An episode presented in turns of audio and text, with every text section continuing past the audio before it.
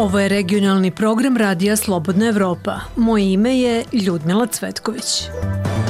Ovo su najvažnije vesti. Izveštaj kancelarije OEPS-a potvrđuje zabrinutost o izborima u Srbiji, saopštila Evropska unija. Srbija se nije uskladila sa deklaracijom Evropske unije kojom se Putin smatra odgovornim za smrt Navaljnog. Odbijena molba Solaka i Hođića za odlaganje odlaska u zatvor u slučaju respiratori. Sud u Banja Luci ispoštovao odluku Ustavnog suda i oslobodio imama zbog vređanja Republike Srpske. Počela distribucija računa za struju na severu Kosova. Najmanje 70 osoba ubijeno u napadu na grupu palestinaca koji su čekali na humanitarnu pomoć u Gazi.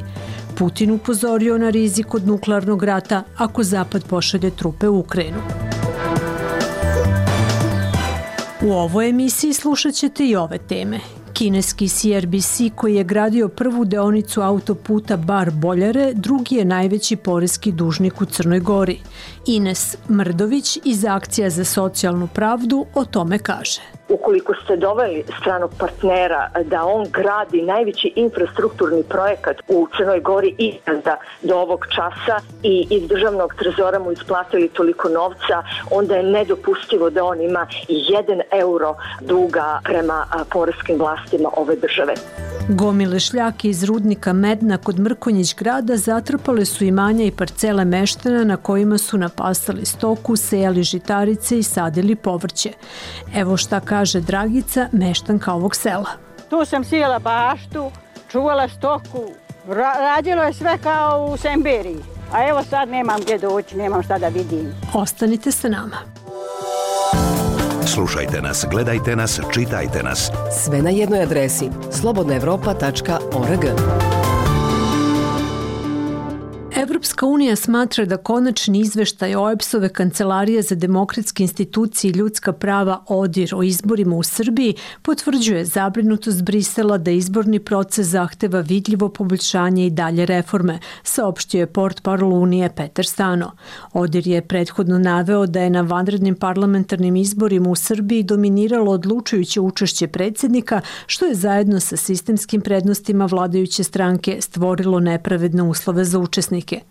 Srbija se nije uskladila sa deklaracijom Evropske unije u kojoj se za smrt opozicijonog lidera Aleksija Navaljnog odgovornost pripisuje predsjedniku Rusije Vladimiru Putinu, saznaje RS iz diplomatskih izvora u Briselu. Iz Ministarstva za evropske integracije i Ministarstva spoljnih poslova Srbije nisu odgovorili na pitanja RS o deklaraciji Evropske unije povodom smrti Navaljnog. Predsjednik Srbije Aleksandar Vučić rekao je novinarima u Tirani da se Srbija do sada po tim pitanjima nije usaglašavala. Do sada se po takvim pitanjima nismo usaglašavali, a sad za ovaj slučaj stvarno ne mogu da vam kažem jer ne znam.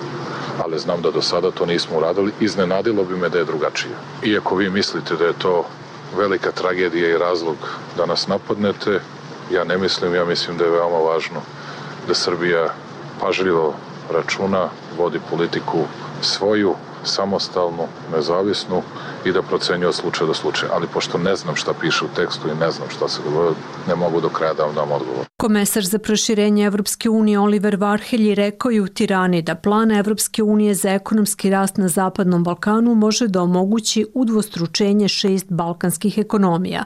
Na početku regionalnog samita za plan rasta Evropski komesar je rekao da će plan biti operativan samo ako šest država Zapadnog Balkana primeni potrebne reforme i kriterijume. Napredak sloboda je zabeležen u 21. državi, međutim senku na to je bacio veliki pad sloboda zabeležen u svim krajevima sveta, pokazuje izveštaj Freedom House-a. Srbija je uz Rusiju jedina evropska država koja se nalazi na spisku zemalja u kojima se beleži najveći pad sloboda u protekloj godini prenosi Iva Gajić. Oružani sukobi i pretnje agresijom autoritarnih režima učinili su svet manje sigurnim i manje demokratskim, saopštili su iz Freedom House-a. Posebno su se usvrnuli na rusku invaziju na Ukrajinu koja je počela 24. februara 2022. Istakli su da se sve više narušavaju osnovna prava u okupiranim ukrajinskim područjima, kao i da je zabeležen ozbiljan uticaj na i onako malo slobode koja je ranije postojala u Rusiji. U fokusu izveštaja je i Hamasov teroristički napad na Izrael 7. oktobra u kojem je ubijen ubijeno oko 1200 ljudi, a za koji se navodi da je uništio osjećaj sigurnosti Izraelaca u njihovim domovima.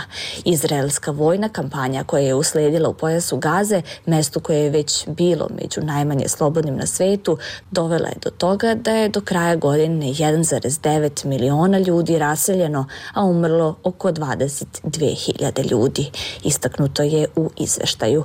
Pored ratova, izborne manipulacije bile su među vodećim uzorcima globalne erozije slobode. U različitim oblicima izborne manipulacije i nasilje zabeleženo je u čak 26 zemalja. Kao primer ozbiljne pretnje demokratiji i izbornim procesima ističu nejednake uslove za opoziciju uspostavljene dugo pre samih izbora. Kategorisana kao delimično slobodna zemlja, Srbija je uz Rusiju jedina evropska država koja se nalazi na spisku zemalja u kojima se beleži najveći pad u protekloj godini. Srbija je zadržala i status jedne od zemalja sa najznačajnijim padom u posljednjoj deceniji. U tom društvu su i Bosna i Hercegovina, Mađarska, Rusija, Turska, Poljska. Kako je za glas Amerike objasnila ekspertkinja Freedom House za Balkan Aleksandra Karpi, jedan od razloga za pad Srbije jesu upravo izbori i manipulacija rezultatima. Neki od drugih faktora uključuju opadajuću transparentnost poslednjih godina.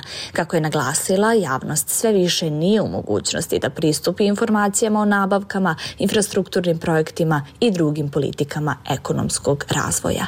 Kao treći razlog za pad sloboda u Srbiji navela je pad indikatora privatnih debata koji je bio rezultat brutalnog omaložavanja opozicionih političara kao i drugih kritičara režima. U intervju za Glas Amerike Aleksandra Karpi je istakla da je Crna Gora jedna od zemalja sa najvećim poboljšanjima u Evropi ove godine uz Češku.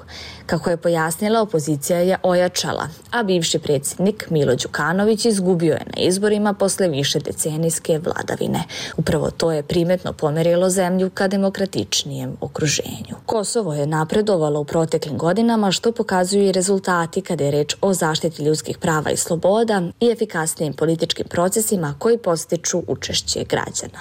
Međutim, Karpi navodi da je 2023. godina bila zaista teška jer se videlo povećano nasilje u opštinama na severu Kosova, što mnoge procese dovodi u pitanje i stavlja dodatni pritisak na vladu da pruži zaštitu svim građanima Kosova. Naglasila je da, iako postoje zabrinutosti u vezi sa slobodom medija, bezbednošću novinara, ima mnogo napretka po pitanju poštovanja prava manjina, verskih prava, te da je Kosovo lider na Zapadnom Balkanu po pitanju tih važnih demokratskih tendencija. Iz Freedom House-a navode da se izbori na nacionalnom nivou tokom 2024. održavaju u preko 40 zemalja, što predstavlja više od dve petine svetske populacije i pozivaju da se radi na tome da se obezbede fair i demokratski uslovi za njihovo održavanje. Iz Beograda za Radio Slobodna Evropa, Iva Gajić. Vijesti, analize, intervjui, polemike, komentari na web stranicama Radija Slobodna Evropa. Ukucajte slobodnaevropa.org. Fahrudin Solak razrešen je sa pozicije direktora Federalne uprave civilne zaštite. Solak je osuđen na šest godina zatvora u predmetu respiratori za zloupotrebe tokom pandemije COVID-19 pri javnoj nabavci medicinskih respiratora. U istom predmetu je osuđen i Fadil Novalić, bivši predsjednik vlade Federacije BiH na četiri godine zatvora, te Fikret Hođić, vlasnik firme Srebrna malina. Sud BiH odbio je molbu odbrane Solaka i Hođića za odlaganje odlaganje izvršenja zatvorske kazne, a još se čeka odluka i po molbi za odlaganje odlaska u zatvor Fadila Novalića. Okružni sud u Banja Luci oslobodio je imama Muharema Štulanovića iz Bihaća optužbi za povredu ugleda i časti Republike Srpske i njenih naroda. Štulanović je optužnicom terećen da je u januaru prošle godine ovaj entitet nazvao genocidnom tvorevinom. U obrazloženju presude sudija se pozvao na odluku Ustavnog suda BiH koji je polovinom januara proglasio neustavnim to delo u krivičnom zakoniku Republike Srpske. Sud Bosne i Hercegovine osudio je Radu Grujića na zatvorsku kaznu u trajanju od šest godina zbog silovanja A3 ime nije objavljeno bošnjačke nacionalnosti u proleće 92. u selu Liplje kod Zvornika. Presudom je određeno i da osuđeni Grujić mora žrtvi silovanja da isplati 10.000 maraka. Reč je o pravostepenoj presudi na koju je dozvoljena žalba, a Grujiću je određen pritvor do pravosnažnosti presude. Zanima vas što se dešava u regiji? Sve možete naći na slobodnaevropa.org. Roditelji dece sa poteškoćama protestovali su u Banja Luci zahtevajući ukidanje kategorizacije roditelja u zakonu o dečoj zaštiti Republike Srpske, izveštava Goran Katić. Glavni zahtjev nekoliko desetaka roditelja okupljenih na trgu krajine u Banja Luci bio je da svaki roditelj u Republici Srpskoj, čija djeca imaju 100 od 100 tjelesno oštećenje, ostvaruju pravo na status roditelj njegovatelj uz mjesečnu naknadu od 332 evra, bez obzira na to da li djeca idu u školu ili dnevne centre. Učesnici protesta tvrdi da sve više roditelja djece sa smetnjama u razvoju u ovom BH entitetu, koji dobijaju naknadu kao roditelj njegovatelj, ostaju bez stečenog prava jer im djeca borave manji dio dana u nekoj od ustanova socijalne zaštite. Dragoslav Šinik, predsjednik Udruženja roditelja djece sa posebnim potrebama iz Gradiške, rekao je da su oni iz svih krajeva Republike Srpske došli u Banja Luku da bi ukazali na nepravdu nanesenu prema djeci i prema roditeljima. Žalostno je ako dijete po sadašnjem zakonu pola sata ostavite u dnevni centar, u vrtić ili u školu, da majka ne može imati status roditelj, njegovatelj. Ona je jednostavno roditelj njemu i kada je preko raspusta i za vrijeme godišnjeg odmora, znači ona je njemu čitav život njegovatelj. Prema važećim zakonskim rješenjima, roditelj njegovatelj može imati taj status do 30. godine djeteta. Vojn Nišević, predsjednik udruženja građana Plavi balon iz Prijedora, kaže da oni između ostalog žele ukidanje ove starosne granice. Sva ova djeca, naš, nebitno je su oni u kolicima, ali pokretni kao moj sin, zahtijevaju 24 časovnu pažnju. A na ovaj način se uzma pravo ne znam, obrazovanja, ne mogu, što ne mogu se ono obrazovati najčešće. Zavljavanje nekih, nekih socijalnih svakodnevnih vještina, poput uče ih kako da jedu, kako nešto spremi za jelo, ličnu higijenu i ostale stvari. Kaže koliko je upoznat, za sad je bio samo jedan sastanak sa ministrom zdravlja Republike Srpske, Alenom Šeranićem. Ističe da je ovo prvi put da udruženja iz mnogih gradova djeluju zajedno. Branka Ivanović iz Zvornika na istoku Bosne i Hercegovine kaže da je došla u Banja Luku da bi se i njihov glas čuo. Pomozite nam, ne odmažite nam. Naša prava su diskriminisana. Mi nemamo od čega da živimo jer smo suza i smeh našoj deci koja su posebna, lepa, divna, Mi smo ih željno čekali i željno ćemo ih ispratiti, paziti, čuvati. U Republici Srpskoj od 2020. godine na snazi zakon o dječjoj zaštiti, prema kojem pravo na naknadu ostvaruje roditelj njegovatelj. Da bi se ostvarilo to pravo, potrebno je između ostalog da prvostepena komisija u centrima socijalne zaštite obavi procjenu djeteta. Na osnovu njenog nalaza, komisija u Fondu dječje zaštite Republike Srpske daje to pravo roditeljima. Iz Ministarstva zdravlja i socijalne zaštite ranije su saopštili da je naknada roditelju njegovatelju specifično pravo i da podrazumijeva posebnu cjelodnevnu njegu koja se pruža u kućnim uslovima. Za radio Slobodna Evropa iz Banja Luke, Goran Katić. Podela računa za struju počela je na severu Kosova, potvrdili su novinari radija Slobodna Evropa na terenu. Račune je izdalo preduzeće Elektrosever koje se nalazi u vlasništvu energetske kompanije Elektroprivrede Srbije. Kompanija je 24. juna 2023. dobila licencu od vlasti na Kosovu. Stanovnici na severu Kosova, nasljenog većinom Srbima, ne plaćaju struju od 99. godine. Slušate program radija Slobodna Evropa. Imamo zajedničku viziju. Slijedimo svoju misiju.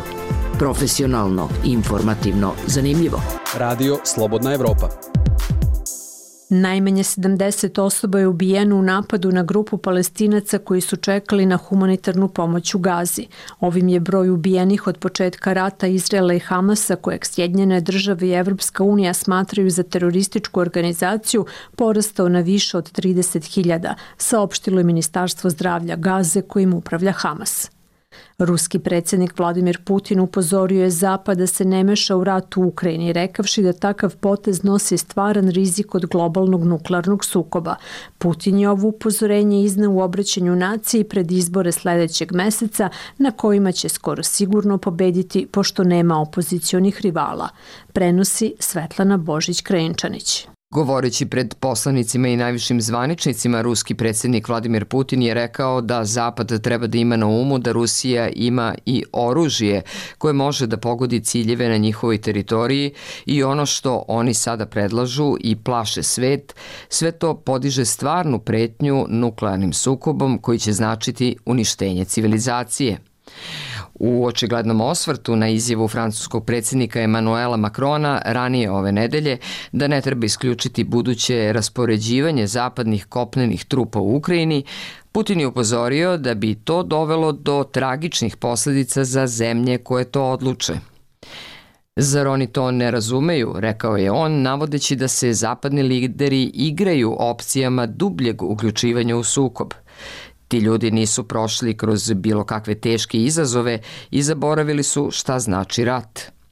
Putin je naglasio da su ruske nuklearne snage u punoj pripravnosti, rekavši da je vojska rasporedila moćno novo oružje od kojih su neka testirana na bojnom polju u Ukrajini. On je odbacio izjave zapadnih lidera o pretnji ruskog napada na NATO saveznike u Evropi i tvrdnju Vašingtona da Moskva razmišlja o razmeštanju svemirskog nuklearnog oružja. U svom govoru, koji se u velikoj meri fokusirao na ekonomska i socijalna pitanja u oči predsjedničkih izbora od 15. do 17. marta, Putin je tvrdio da Rusija brani svoj suverenitet i bezbednost i štiti naše sunarodnike u Ukrajini, tvrdeći da ruske snage imaju prednost u borbi. Ruski lider je u više navrata signalizirao želju za pregovorima o prekidu borbi, ali upozorio da će Rusija zadržati svoje dobitke. Nakon istraživanja Radija Slobodna Evropa o prodaji lažnih debitnih kartica sa likom bivšeg američkog predsednika Trumpa, ugašeno je više od 30 sajtova preko kojih su prodavane. To je trećina ukupno broja web sajtova koji su pronašli novinari RSE. Sadržaj je obrisani sa nekoliko telegram kanala preko kojih su komunicirali makedonski prodavci lažnih finansijskih proizvoda. Istraživanje Radija Slobodna Evropa razotkrilo je internet mehanizam koji su uspostavile desetine makedonaca mahom iz grada Velesa sa ciljem da izvuku novac od građana Amerike. Kroz reklame, Amerikancima se sugeriše da će danas kupljeni proizvodi sa likom Trumpa vredeti milione nakon njegovog povratka na vlast. Zapravo, nude se potpuno bezvredne kartice, novčići, stikeri, markice i brojni slični proizvodi. Nadležni organi u Severnoj Makedoniji i Americi nisu se oglašavali ovim povodom, a nakon objavljivanja istraživanja Radija Slobodna Evropa. Kako su kreatori lažnih Trump kartica počeli da brišu digitalne tragove, pročitajte na sajtu slobodnoevropa.org. Kineska kompanija CRBC koja je gradila prvu deonicu autoputa Bar Boljare drugi je najveći porezki dužnik u Crnoj Gori. Uprkos tome zainteresovana je za nastava gradnje ovog autoputa. Pripremio Miloš Rudović. Prema crnoj listi 200 najvećih dužnika Poreske uprave Crne Gore, dug kineske kompanije CRBC na kraju prošle godine bio oko 11,2 miliona eura. Za gradnju prve dionice autoputa čiji 41 km košta oko milijardu eura, imala je posebne poreske i carinske olakšice. Ines Smrdović iz akcije za socijalnu pravdu za Radio Slobodna Evropa kaže da je nedopustivo da kompanija koja imala poseban tretman ima poreski dug prema državi. Kada uzmete u obzir ovaj iznos, dakle od 836 miliona eura koliko je CRBC-u isplaćeno iz državnog trezora, e, sada činjenica da se ono nalazi na crnoj poreskoj listi je zaista nedopustiva. Ukoliko ste doveli stranog partnera da on gradi najveći infrastrukturni projekat u Crnoj Gori i iz državnog trezora mu isplatili toliko novca, onda je nedopustivo da on ima 1 euro e, duga e, pre prema poreskim vlastima ove države. I CRBC i poreske uprave nisu odgovorili na upit radije Slobodna Evropa o poreskom dugu. CRBC je prvu dionicu dugu 41 km koja povezuje periferiju Podgorice sa Kolašinom na sjeveru Crne Gore gradila 7 godina, a završetak radova odlagan je 5 puta. Ova dionica je tek četvrtina planiranog puta, koji u dužini od oko 170 km treba da spoji bar na jugu i Boljare, na granici prema Srbiji. CRBC je zainteresovana da gradi druge dionice. Crnogorskoj vladi prošle godine predočila je da su spremili detaljne elaborate, komercijalnu studiju i okvirne uslove za nastavak projekta. Predlažu da se dionice realizuju putem modela privatno-javnog partnerstva. A državni Monte Put je umeđu vremenu 31. januara raspisao tender vridan oko 5 miliona eura za izradu idejnog rešenja za drugu dionicu od Andrijevice preko Berana do granice sa Srbijom. Brdović smatra da gradnja prve dionice ne preporučuje CRBC za nastavak saradnje. One su prisutni ovdje dosta i u regionu, kad kažem regionu mislim dominantno na Srbiju. Oni će vjerovatno koristiti sve svoje pozicije da eventualno nastave gradnju neku, neke dionice autoputa, ali ako me pitate za moje lično mišljenje, ja ne smatram da je CRBC bila najbolji mogući partner za gradnju ove prve dionice autoputa. To je ostalom pokazao čitav niz problema koji su se dešavali tokom gradnje ove prve dionice i onih koji su na kraju isplivali u javnost, a i mnogi koji su bili samo na nivou glasina. Za Radio Slobodna Evropa, Miloš Rudović. Radio Slobodna Evropa ima regionalni program od 1994. Mi smo prvi regionalni program na Balkanu. Radio Slobodna Evropa vas nikada nije izneverila. Proverite zašto. Zanima vas što se dešava u regiji. Radio, TV, video. Sve možete naći na slobodnaevropa.org. Gomile šljake iz rudnika Medna kod Mrkonjić grada zatrpale su imanja i parcele meštana na kojima su napasali stoku, sejali žitarice i sadili povrće.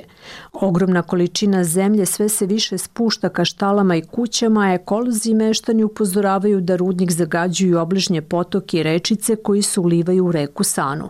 Ekolozi tvrde da se posledice zagađenja vide desetinama kilometara nizvodno u opštinama Ribnik, Ključ i Sanski most prenosi Gojko Veselinović. Tamo gdje su prije dvije godine bili pašnjaci, bašte i oranice, dragice, mještanke sela Medna, sada je rudnik. Tu ugalj kopa preduzeće Medna NV iz Mrkonjić grada po osnovu koncesije dodijeljene u januaru 2021. godine. Data je na rok od 7 godina uz koncesijonu naknadu od 2,80 km po iskopanoj toni uglja. Dragica priča da je odlagalište šljake iz rudnika zatrpalo njene parcele, prilazni put štalama i da od njenog posjeda gotovo ništa nije ostalo. Imam tri duluma, ja mislim tri duluma, tu sam sjela baštu, čuvala stoku, ra je sve kao u Semberiji. A evo sad nemam gdje doći, nemam šta da vidim. Rudnik se prema dozvoli trebao prostirati na nešto više od 3 hektara površine, ali mještani tvrde da je 3 do 4 puta veći. Dragica kaže da su pod zemljom ostale i njene parcele za koje nije obeštećena. Malo su nešto obeštetili, ali to je svega vrlo malo, a ove dolje glavne ovaj parcelu što smo sijali i radili, još nije ovaj obeštećeno ni ono koliko su obećali. Mi jedni moramo pristajati na koliko toliko kad vidimo da odnio đavo i zemlju i, i naše imanje i naš posjet. Kroz rudnik protiče nekada bistri potok Grabovica iz kojih su mještani uzimali vodu i napajali stoku. On se direktno ulijeva u rječicu Medljanku, pritoku Sane.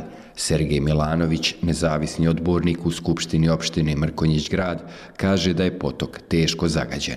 Unazad godinu dana potok Grabovac je zamutio, zamutio Medljanku e, cijelom svojom dužinom kroz e, selo Mednu, Okanđije, e, pa do Ribnika i Ključa, primjećena je neprirodna zamućenost vode. Uticaj rudnika osjeti se 50 km dalje u Ribniku, tvrde mještani. Neđo Stanišić i Vinko Savić više od 50 godina su svakodnevno sa ribarskim štapom na obalama Sane, na kojoj kažu vide posljedice zagađenja. Ona se povremeno kad, kad su padavine muti, ali se to prođe. Međutim, u zadnje dvije godine primijetili smo da se dešava nešto čudno. Ona dobija sivu boju. Pa je bila ovo par dana boja kao bijeli kali. a sad je, su prestali tu, sad je drugačije, ali svake godine je sve zagađenija. Na zahtjev ekoloških udruženja Asocijacije Greenways Gornja Pecka i Centra za životnu sredinu Banja Luka u februaru je urađena analiza kvaliteta vode u ušću potoka Grabovica u Medljanku te ušća Medljanke u Sanu. Nataša Mazalica, Udruženje građana Greenways. Grabovac koji e, sapira praktično zagađenja, e, prolazi će kroz rudnik, e, uzima teške metale, potom se ulijeva u rijeku Medljanku koja je u tom slučaju onda potpuno zagađena od ušća Grabovca u Medljanku do ušća Medljanke u Sanu. Neđo Stanišić, koji je predsjednik Udruženja sportskih ribolovaca Ribnik, zabrinut je za zdravlje ljudi koji žive uz ove vodotokove. Zamislite da li se može jesti riba iz ove rijeke. Mogu li se kupati u ovoj rijeci? Imaju ljudi ovdje poljoprivredna imanja, imaju njivu, imaju voće pored. Sana je rijeka koja, koja se izliva. Izlije se, pa hoće li kad se izliva, hoće li ostati teški metali, hoće li ući u voće? Dostupne baze podataka o poslovanju kompanija u BiH pokazuju da su računi kompanije Medna NV u blokadi, a jedini prikazani prihod je iz 2022. godine od oko 2 miliona KM. Iz kompanije nisu odgovorili na upit radija Slobodna Evropa o optužbama za kršenje ekološke dozvole i zagađenje vodotoka. Za zaštitu životne sredine nadležno je Ministarstvo prostornog uređenja, građevinarstva i ekologije, iz kojeg su odgovorili da investitor ima sve potrebne dozvole za rad, uključujući i ekološku dozvolu pribavljenu u decembru 2022. Investitoru su ekološkom dozvolom naložene stroge mjere zaštite životne sredine i to svih segmenata, voda, zemljišta, vazduha, flore i faune, zatim mjere zaštite od buke, odobren je plan upravljanja otpadom, koji podrazumijeva i postupanje sa jalovinom, te propisane mjere rekultivacije tokom i nakon iskopavanja rude. Sergej Milanović tvrdi da su nadležni na sve ovo i dalje nijemi. Ono što je poražavajuće jeste da lokalna zajednica, e, nadležno ministarstvo i inspekcijski organi ne čine ama baš ništa e, da bi spriječili nelegalan rad rudnika. Nataša Mazalica, Udruženje građana Greenways. Mi smo nekoliko puta poslali dopise inspekcijskim organima, međutim nismo dobili adekvatne odgovore i evo i do dan danas zapravo vidimo da investitor i dalje zagađuje. Inspektorat Republike Srpske nije odgovorio da li su postupali po prijavama mještana i ekoloških udruženja. Za radio Slobodna Evropa iz Banja Luke, Gojko Veselinović. Dnevno et RSE. Pregled regionalnih i svetskih događaja dana. Broj Rusa u pritvoru zbog političkih stavova ili verskih uverenja u stalnom je porastu, posebno od početka invazije na Ukrajinu, piše redakcija Radija Slobodna Evropa na engleskom jeziku. Aktivisti kažu da vlasti koriste teške uslove, uskraćivanje medicinskog tretmana i izolaciju da nemilosrdno naruše njihovo zdravlje. Smrt ruskog opozicijonog lidera Alekseja Navalnog usledila je nakon godina zatočeništva tokom kojih je proveo više od 300 dana u samicama – Uskraćivana mu je medicinska nega, žalio se da je bio podvrgnut lišavanju sna i još mnogo toga. Iako se otvoreno fizičko nasilje sve više prijavljuje u tretmanu zatvorenika disidenata, upotreba ovakvih disciplinskih mera za narušavanje njihovog zdravlja i dobrobiti je mnogo češća, kaže Sergej Babinec, voditelj grupe za prava Timovi protiv mučenja. Opozicioni političar Vladimir Kara Murza, koji je u aprilu osuđen na 25 godina zatvora zbog izde i drugih optužbi, nalazi se u samici u zatvoru Omsku, rekla je njegova supruga Jevgenija Kara Murza za Current Time 22. februara – U postu na Telegramu iz decembra 2023. još jedan od najistaknutijih zatvorenika disidenata u Rusiji, opozicioni političar Ilja Jašin, koji služi kaznu od 8,5 godina zatvora zbog navodnog širenja lažnih informacija o vojsci, napisao je da ćelije veličine 3 puta 4 metra čine da se osjećate kao da ste zazidani u kamenu vreću. Očigledno je da je samica u nehumanim kaznenim ćelijama de facto legalizovana tortura, napisao je. Još jedan sve češći oblik maltretiranja zatvorenika je uskraćivanje neophodne medicinske nege. Igoru Barišnikovu, 64-godišnjem onkološkom pacijentu u Kalingarovskoj oblasti koji služi 7,5 godina zatvora po istom zakonu o širenju navodno lažnih informacija o vojsci, odbijeno je prevremeno puštanje na slobodu zbog pogoršanja zdravlja, uprkos tome što je u skoro stalnim bolovima. Grupa za ljudska prava Memorial koja je zabranjena u Rusiji trenutno navodi 255 određenih političkih zatvorenika u Rusiji i 424 zatvorenika koji se drže zbog svojih verskih uverenja. Pregled regionalnih i svetskih događaja dana potražite na dnevnoet.rse. Slobodna Evropa.org.